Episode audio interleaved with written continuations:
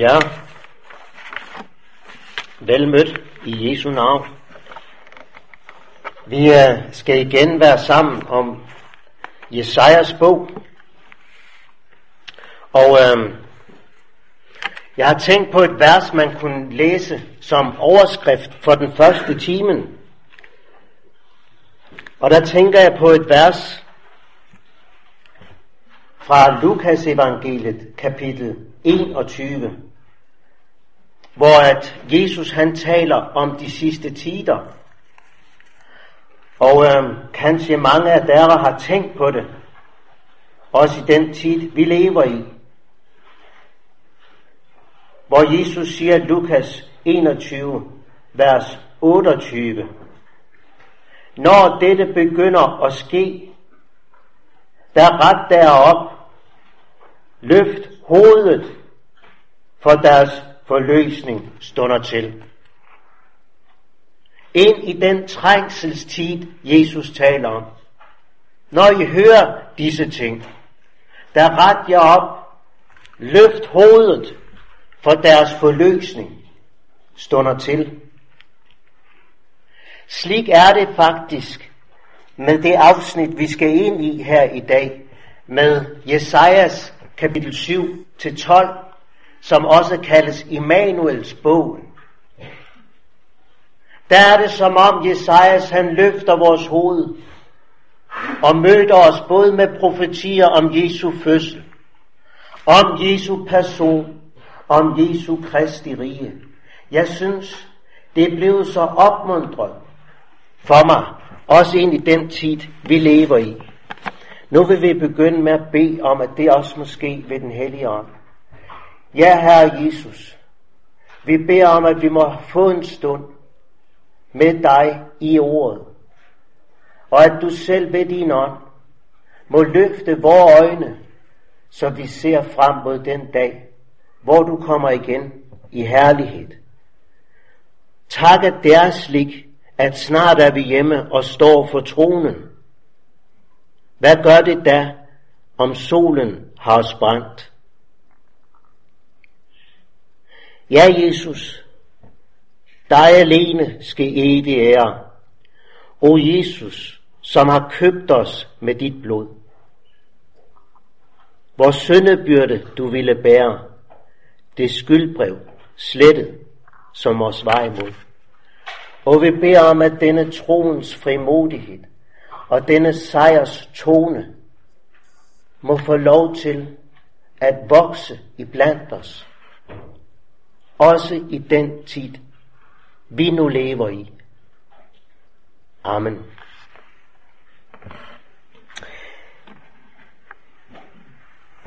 I går så vi på, at Jesajas 1-6 er et dommens afsnit.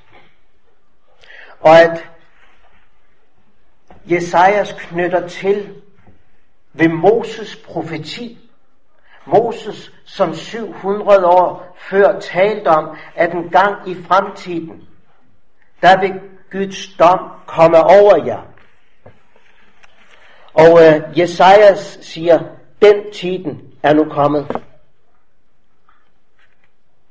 Og i Jesaja 6 så vi, at det er et vendepunkt, Jesaja 6, i hele Gamle Testamentets historie.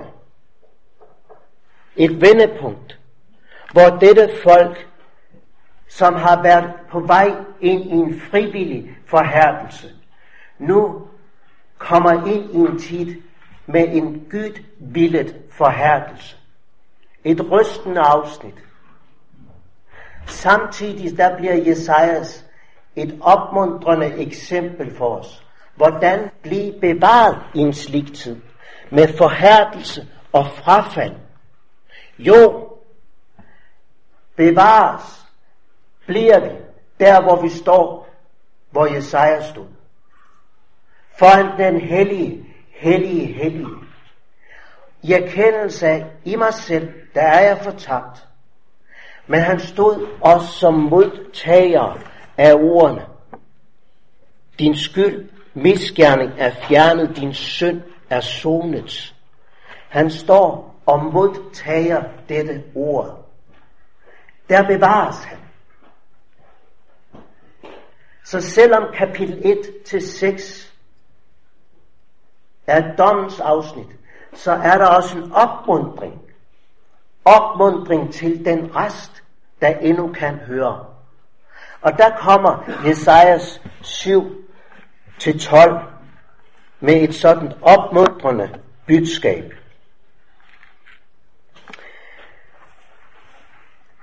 Det er et afsnit, hvor vi har nogle mægtige profetier om Jesus, og det koncentrerer sig særligt om hans fødsel, anden profeti om hans person, tredje profeti om hans kongerige. Det, der har været vældig opmuntrende for mig, det er også at se den historiske tid, dette er sagt ind i. Nu er jeg øh, i min skolegang, der har jeg aldrig ligt historie.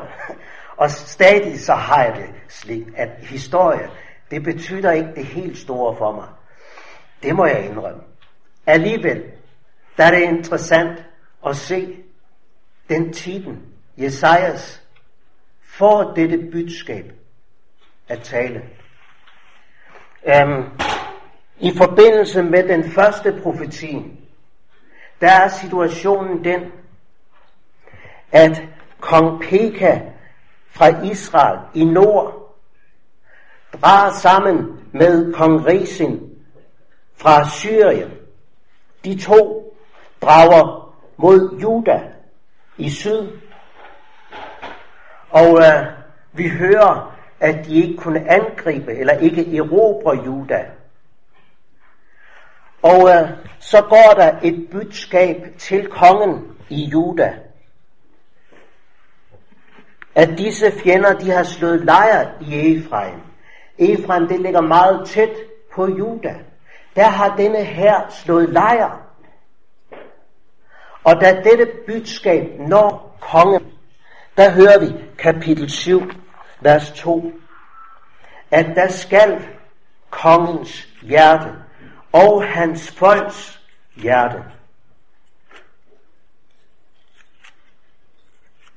De var redselslagen, slik det står i den danske bibel. Hjerterne skal, som løb for vinden. De har været rystet.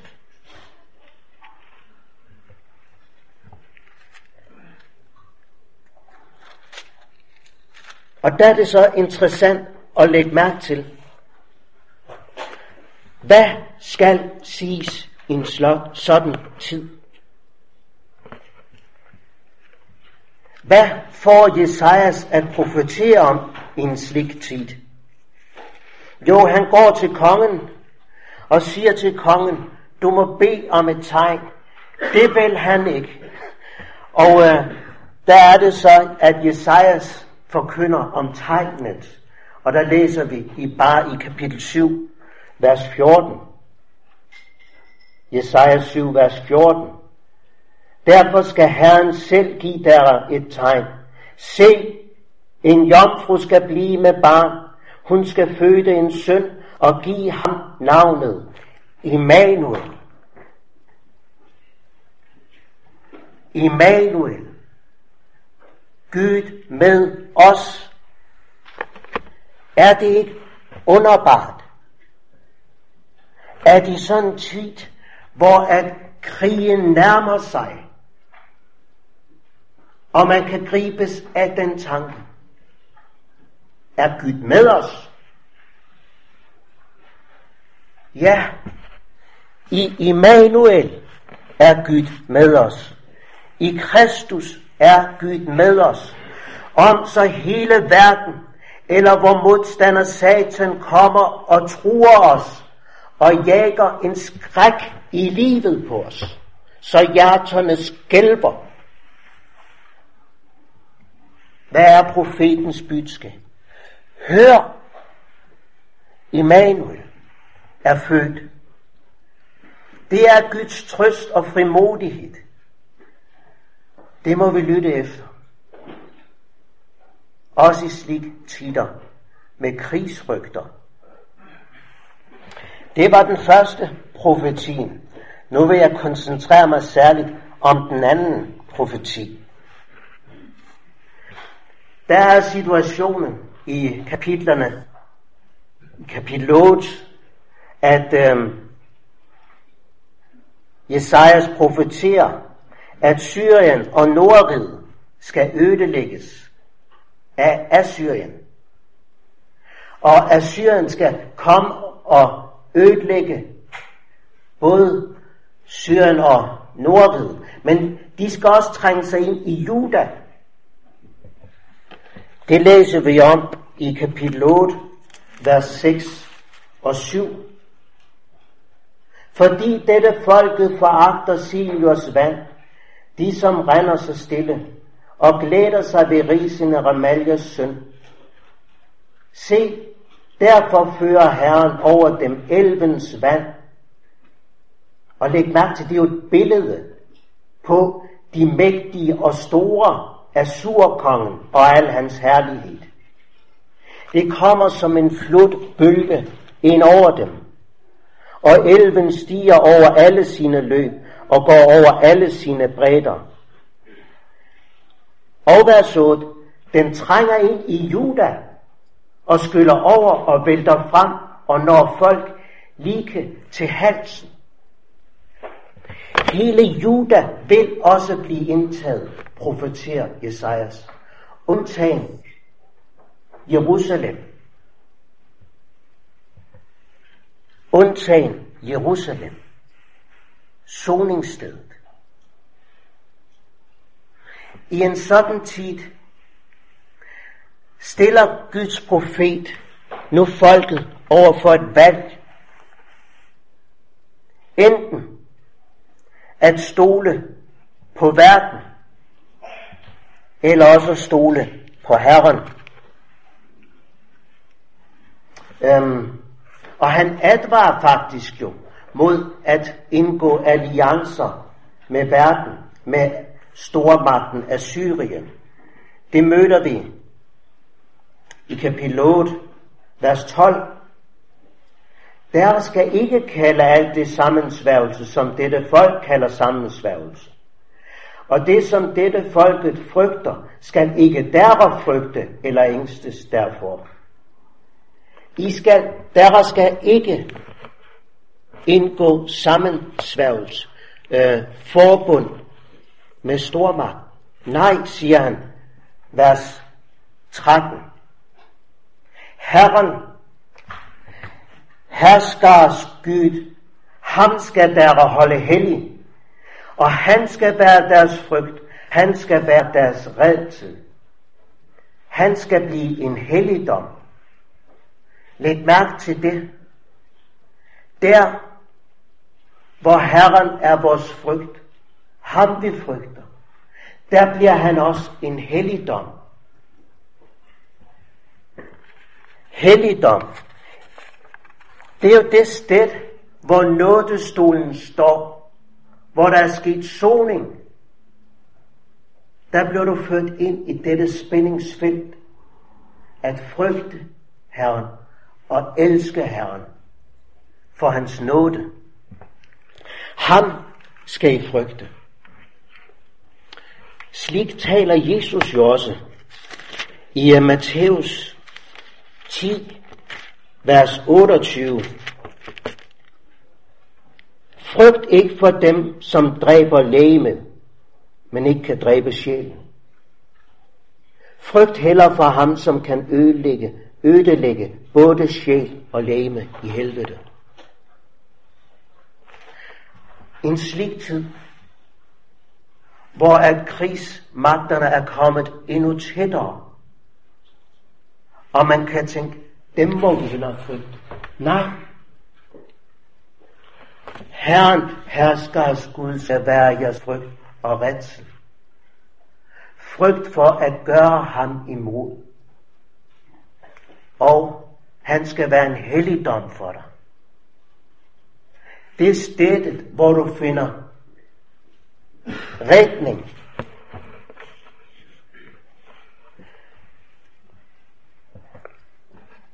Men for nogen vil han også blive en anstødt sten. En snublesten. Og det er ord også om Jesus. Slik vil det være med ham. For nogen blev han til fald, for andre til oprejsning. Det er nu situationen forud for den anden profeti. Slik vi møder den fra kapitel 9 er det. Og øh, der skal vi lægge mærke til, hvad det er for en tid. Og fordi at jeg vil koncentrere mig om denne profeti, så har jeg taget teksten med her. Læg mærke til, hvad det er for en tid. Vi læser de første vers. Det skal ikke altid være mørke i det landet, hvor der nu er trængsel. Tidligere førte Herren vandære over Sebulons land, over Naftalis land, men i fremtiden skal han føre ære over det. Over vejen ved havet, landet på den andre siden af Jordan, hedningernes Galilea. Det er folket, som vandrer i mørket, skal se et stort lys. De, som sidder i dødskyggens land, over dem skal lyset stråle. Læg mærke til, hvad er det for en tid? Jo, det er en mørk, mørk, mørk tid. Nu står der dødsrigets land. I den danske, der står der mørkets land. Mørkt, mørkt, mørkt. Vi kan også sige mørkt, mørkt, død. Det var en mørk tid på Jesajas tid. Og det var et dobbelt mørke. For det var et åndeligt mørke. Men det var også et politisk mørke.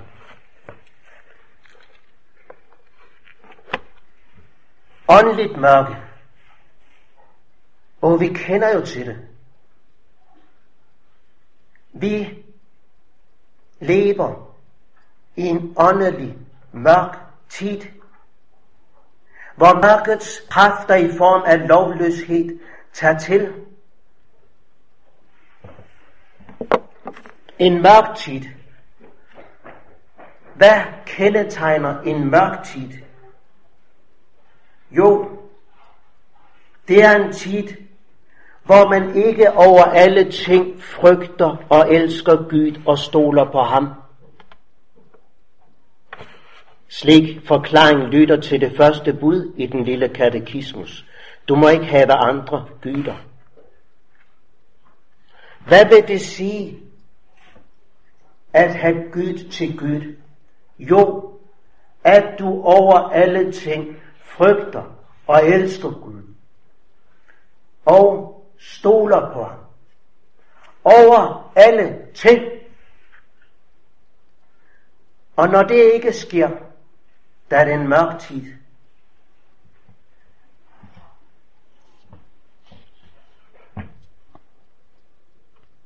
Det er en mørk tid, når man ikke husker hviledagen og holder den hellig, det tredje bud. Når man ikke frygter og elsker Gud, men i stedet efter prædikenen og Guds ord. Der er en mørk tid. Når man ikke holder det helligt, gerne høre og lære det, der er det en mørk tid. Når man ikke søger dette ord, for gerne at høre og lære det, der er en mørk tid. Det er en mørk tid, når man ikke ærer sin far og sin mor. Når man ikke frygter og elsker Gud. Men i stedet ringeagter forældre, forsatte, og kanskje endda vækker deres vrede, der er det en mørk tid. Når man ikke holder dem i ære, tjener, lyder, elsker og agter dem. Når respekten for autoriteter, der er sat over mig, respekten forsvinder, der er det en mørk tid. Når respekten for dem, der er sat over os i vort land, forsvinder, der er det en mørk tid.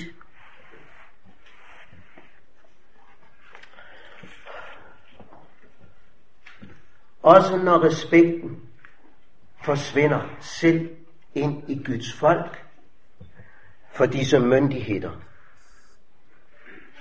Der er det også ved at blive en mørk tid selv i blandt Guds folk. Jeg nævner det her, fordi vi nu har været igennem to års coronapandemi. Og jeg husker en bror i Herren, som siger, da vores statsminister lukkede landet ned, han siger, vi må gøre oprør, siger han. Og jeg siger, tak skal du have. Oprør. Hvad sker der? Du og jeg skal da ikke gøre oprør. Hvad tænker du på? De er sat til at værne folk. Og selvom vi ikke er enige i den ene og den anden disposition, de er sat af Gud. Eller en, and, en andre, der sagde, jeg vil ikke bede for min regering.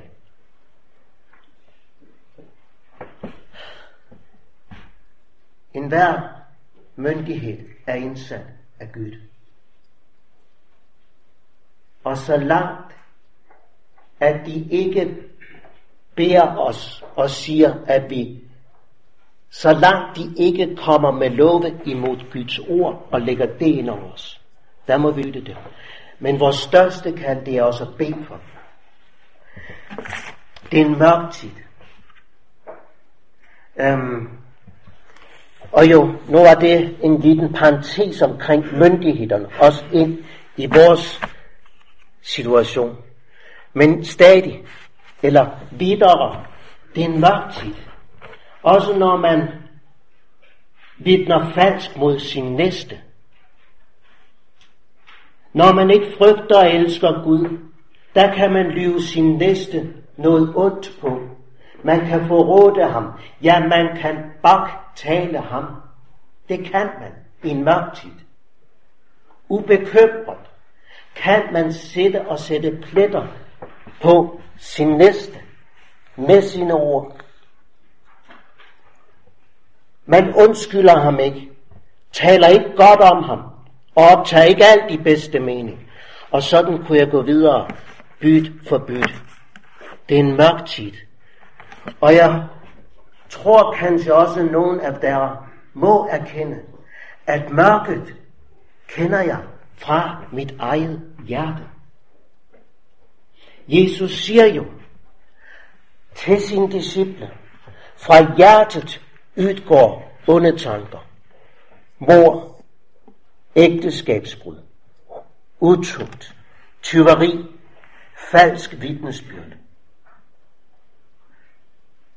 Og når man bliver stillet over for det, der må man med Jesaja sige, ved mig, jeg er en mand med et urent hjerte, mørkt hjerte.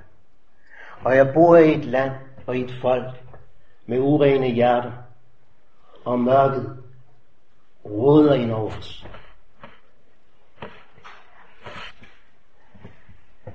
Ja, vi bor, kan du sige, i skyggen af døden. Jeg synes, det er et stærkt udsagn. Død skyggens. Det vil sige, døden er så tæt på, at den nu kaster skygge ind over landet. Død skyggens land. Det er en åndelig mørktid på Jesajas tid, på Jesu tid. Men det var det også politisk. Og det er det også i vores tid. En politisk mørk tid.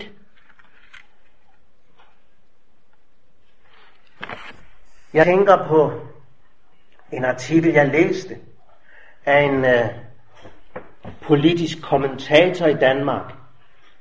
Han beskriver, hvordan øh, 20'erne, altså 2020 og frem, der har han nogle betragtninger sådan på den verdenspolitiske scene, og hvor han siger, the new normal, den nye norm i 20'erne, der er løgnen, den nye norm.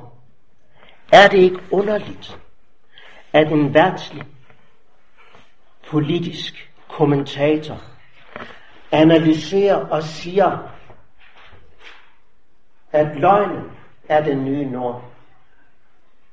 I det politiske landskabet, jeg synes, det er jo rystende. Og som han siger, når man lever en slik tid, hvor løgnen, løgnen kommer, altså at man lyver, når det kommer i højsædet, ja, der bliver stor løgneren, altså ham, der kan lyve mest, han bliver konge i en slik tid. Artiklen han beskriver, det er faktisk en artikel, hvor han blandt andet også beskriver Putins regime. Store løgner.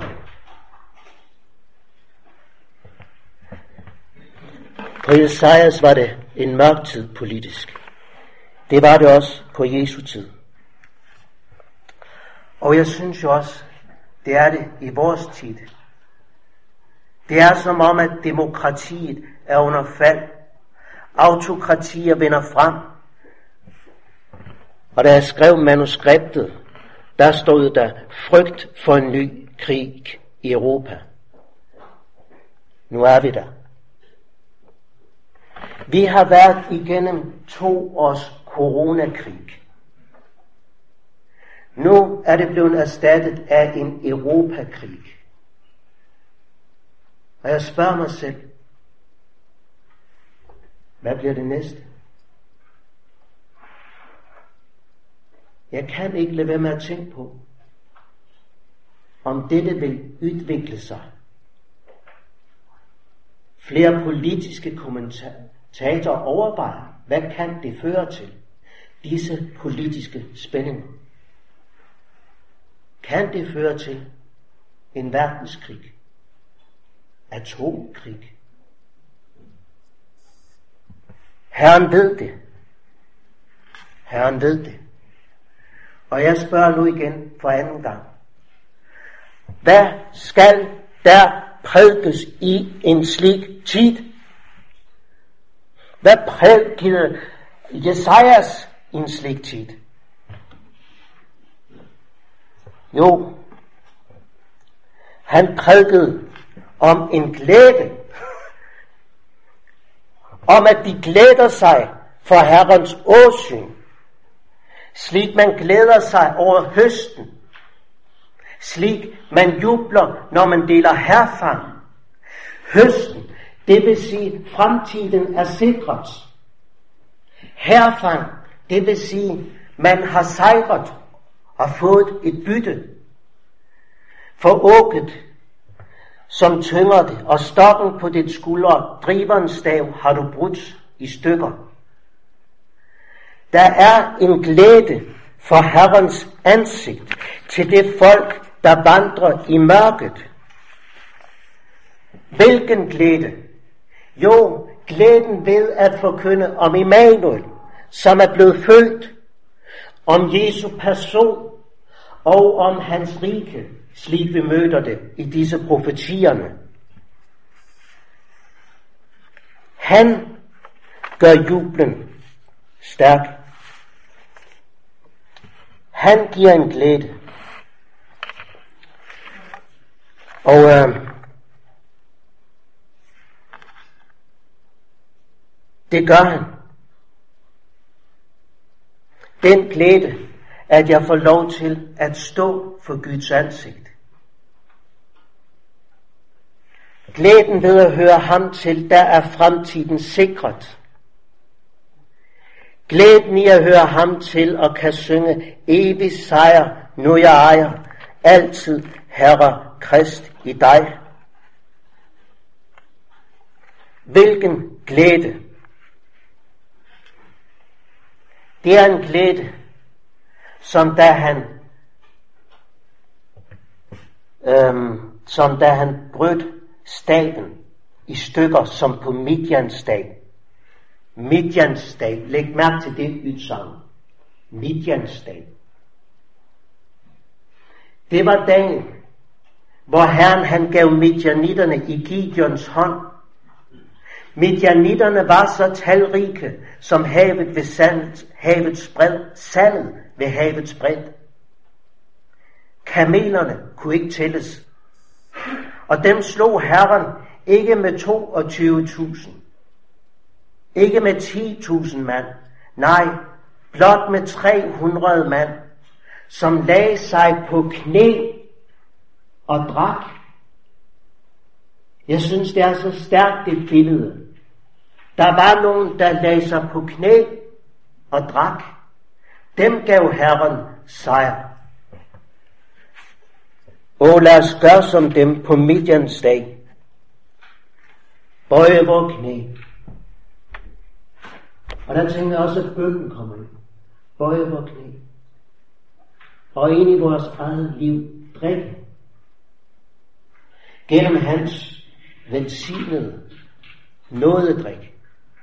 Også få styrke til, som de gjorde på Midjans dag. Hvordan vandt de? Jo, de gik frem med fakkel i hånd og vandkrukke. Vi har ikke fakler, men vi har dette ord, som er et lys på vores sti. Vandkrukken.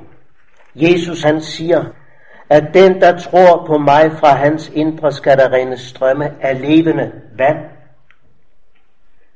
Lad os gøre, som på Midians dag. Også bøje vores knæ. Og jeg har lyst til at understrege også netop dette med bønnen. Og jeg sad og snakkede med et par venner om en åndelig problemstilling lokalt, hvor de siger, der er nogen i vores samfund, der lever i synd, og de var rystet over det omfanget, det havde. Senere i samtalen kom vi til at tale om bøndemøderne en gang om måneden. Bøndemøderne var deres fridag. Hvor jeg siger til dem, er der en sammenhæng her?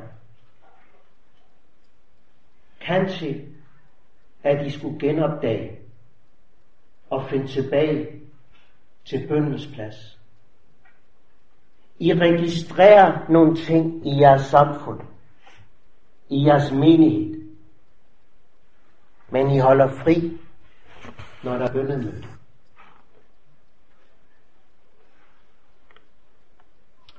Lad os gøre, som på Midjans dag. Vi spejder ikke efter, om vi kan være 22.000 eller 10.000. Nej, vi spejder efter, er der nogen, der i dette mørke vil bøje vores knæ, drikke af livets kilde, og holde dette ords lys frem. Vi trænger til det. For der, der er vi trods mørke, modgang, modløshed, synd, lovløshed. Der er vi på det sejrende holdet, like som på Midjans dag. Sådan er det. Det er det. For, nu springer jeg ned til vers 6, et barn er os født. Derfor, fordi et barn er os født, det vil sige, han er Guds søn. Som der siges også, et barn er os født, en søn er os givet. Han er altså både menneske og Gud. Han er vores sejr. Og herredømmet er på hans skulder. Og jeg synes, det er så befriende Herredømmet ligger på hans skuldre, og ikke på dine, ikke på mine. Og man skal kalde ham, han skal få navnet under rådgiver. Navnet under knyttes særligt til Guds frelses under. Og når vi kender hans frelse, der er han også den, der giver os råd. Han rådgiver os. Han er selv vor rådgiver.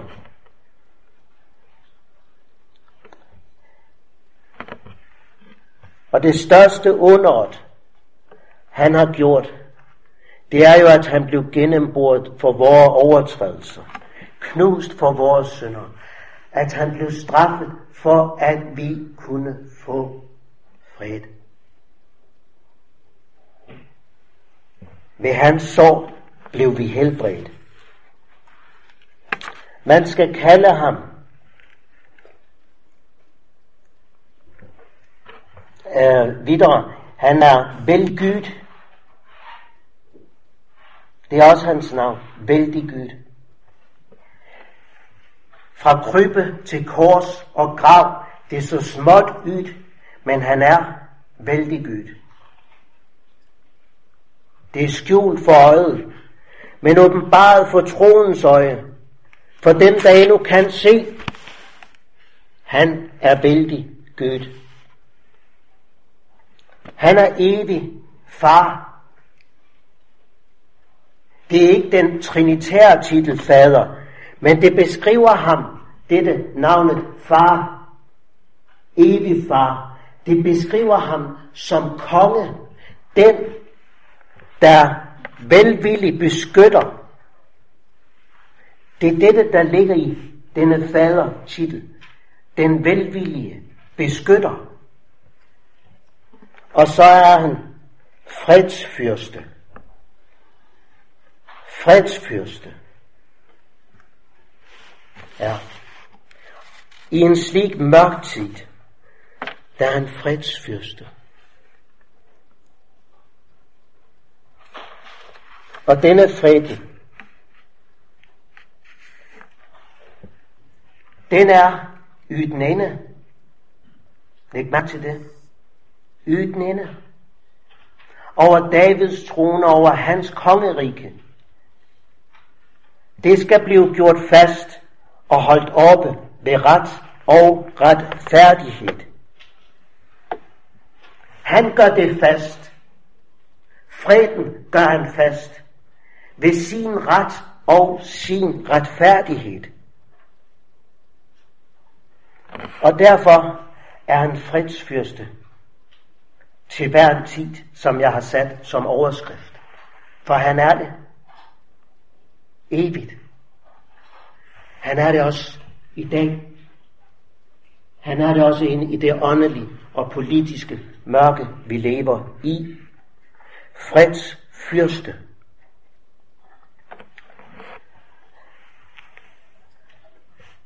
Og læg mærke til, at det er Guds nidkærhed, der skal gøre dette. Ikke din, ikke min nidkærhed, men Guds. Der er i Guds eget hjerte denne længsel efter at skænke os sin retfærdighed, sin fred til dem, der bor i død skyggens land. Det er Jesajas budskab i en slik tid. Derfor, du som bor i mørkets land, og kanskje også kender mørket fra dit eget hjerte, kald på ham, og kald på ham ved navn Jesus. Immanuel. Gud med os. Du som er under, rådgiver, vældig Gud, evig fader, freds fyrste. Det er budskabet fra Jesajas ind i en sådan tid. Vi har nu set på de to første profetierne. Og øh, nu bliver det ganske kort med den sidste. Situationen er frem mod den sidste profeti, at Jesajas, han kommer nu med domsord over Israel. Domsord over Assyrien. Og læg mærke til der i vers 5 i kapitel 10, der kaldes Assyrien for Guds vredes ris. Ve Assur min vredes ris. Det siger os, at Gud er historiens Gud, også når Assyrien bliver trukket over, bliver hævet over og oversvømmer Israel, Juda. Det er Guds vredesris. Gud er historiens Gud. Også i krigstider. Slik er det.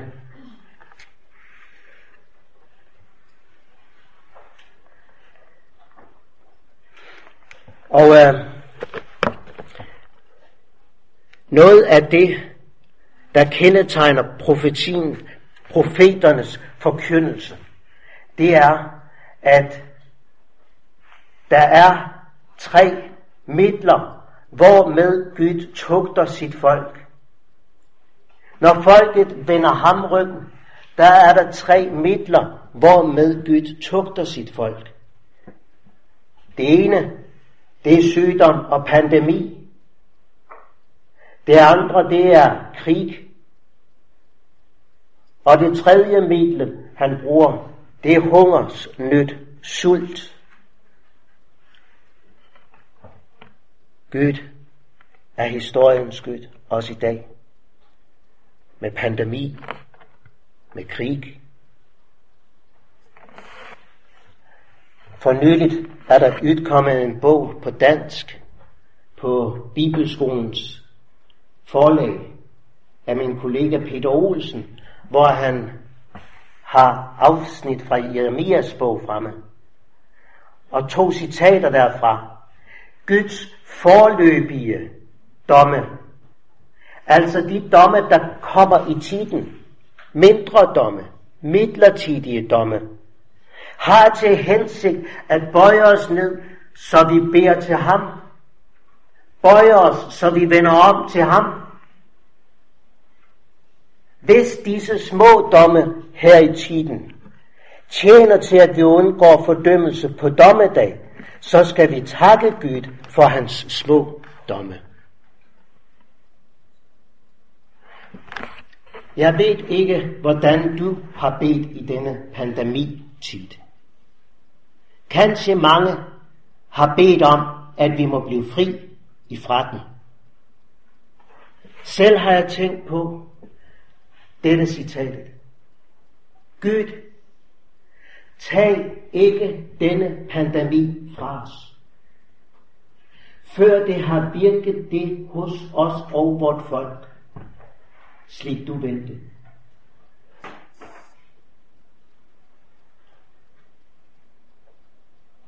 Jeg tror, at disse små domme i tiden også må kalde os ind i bøn for vort folk, at de må komme i nød og spørge efter freds fyrst.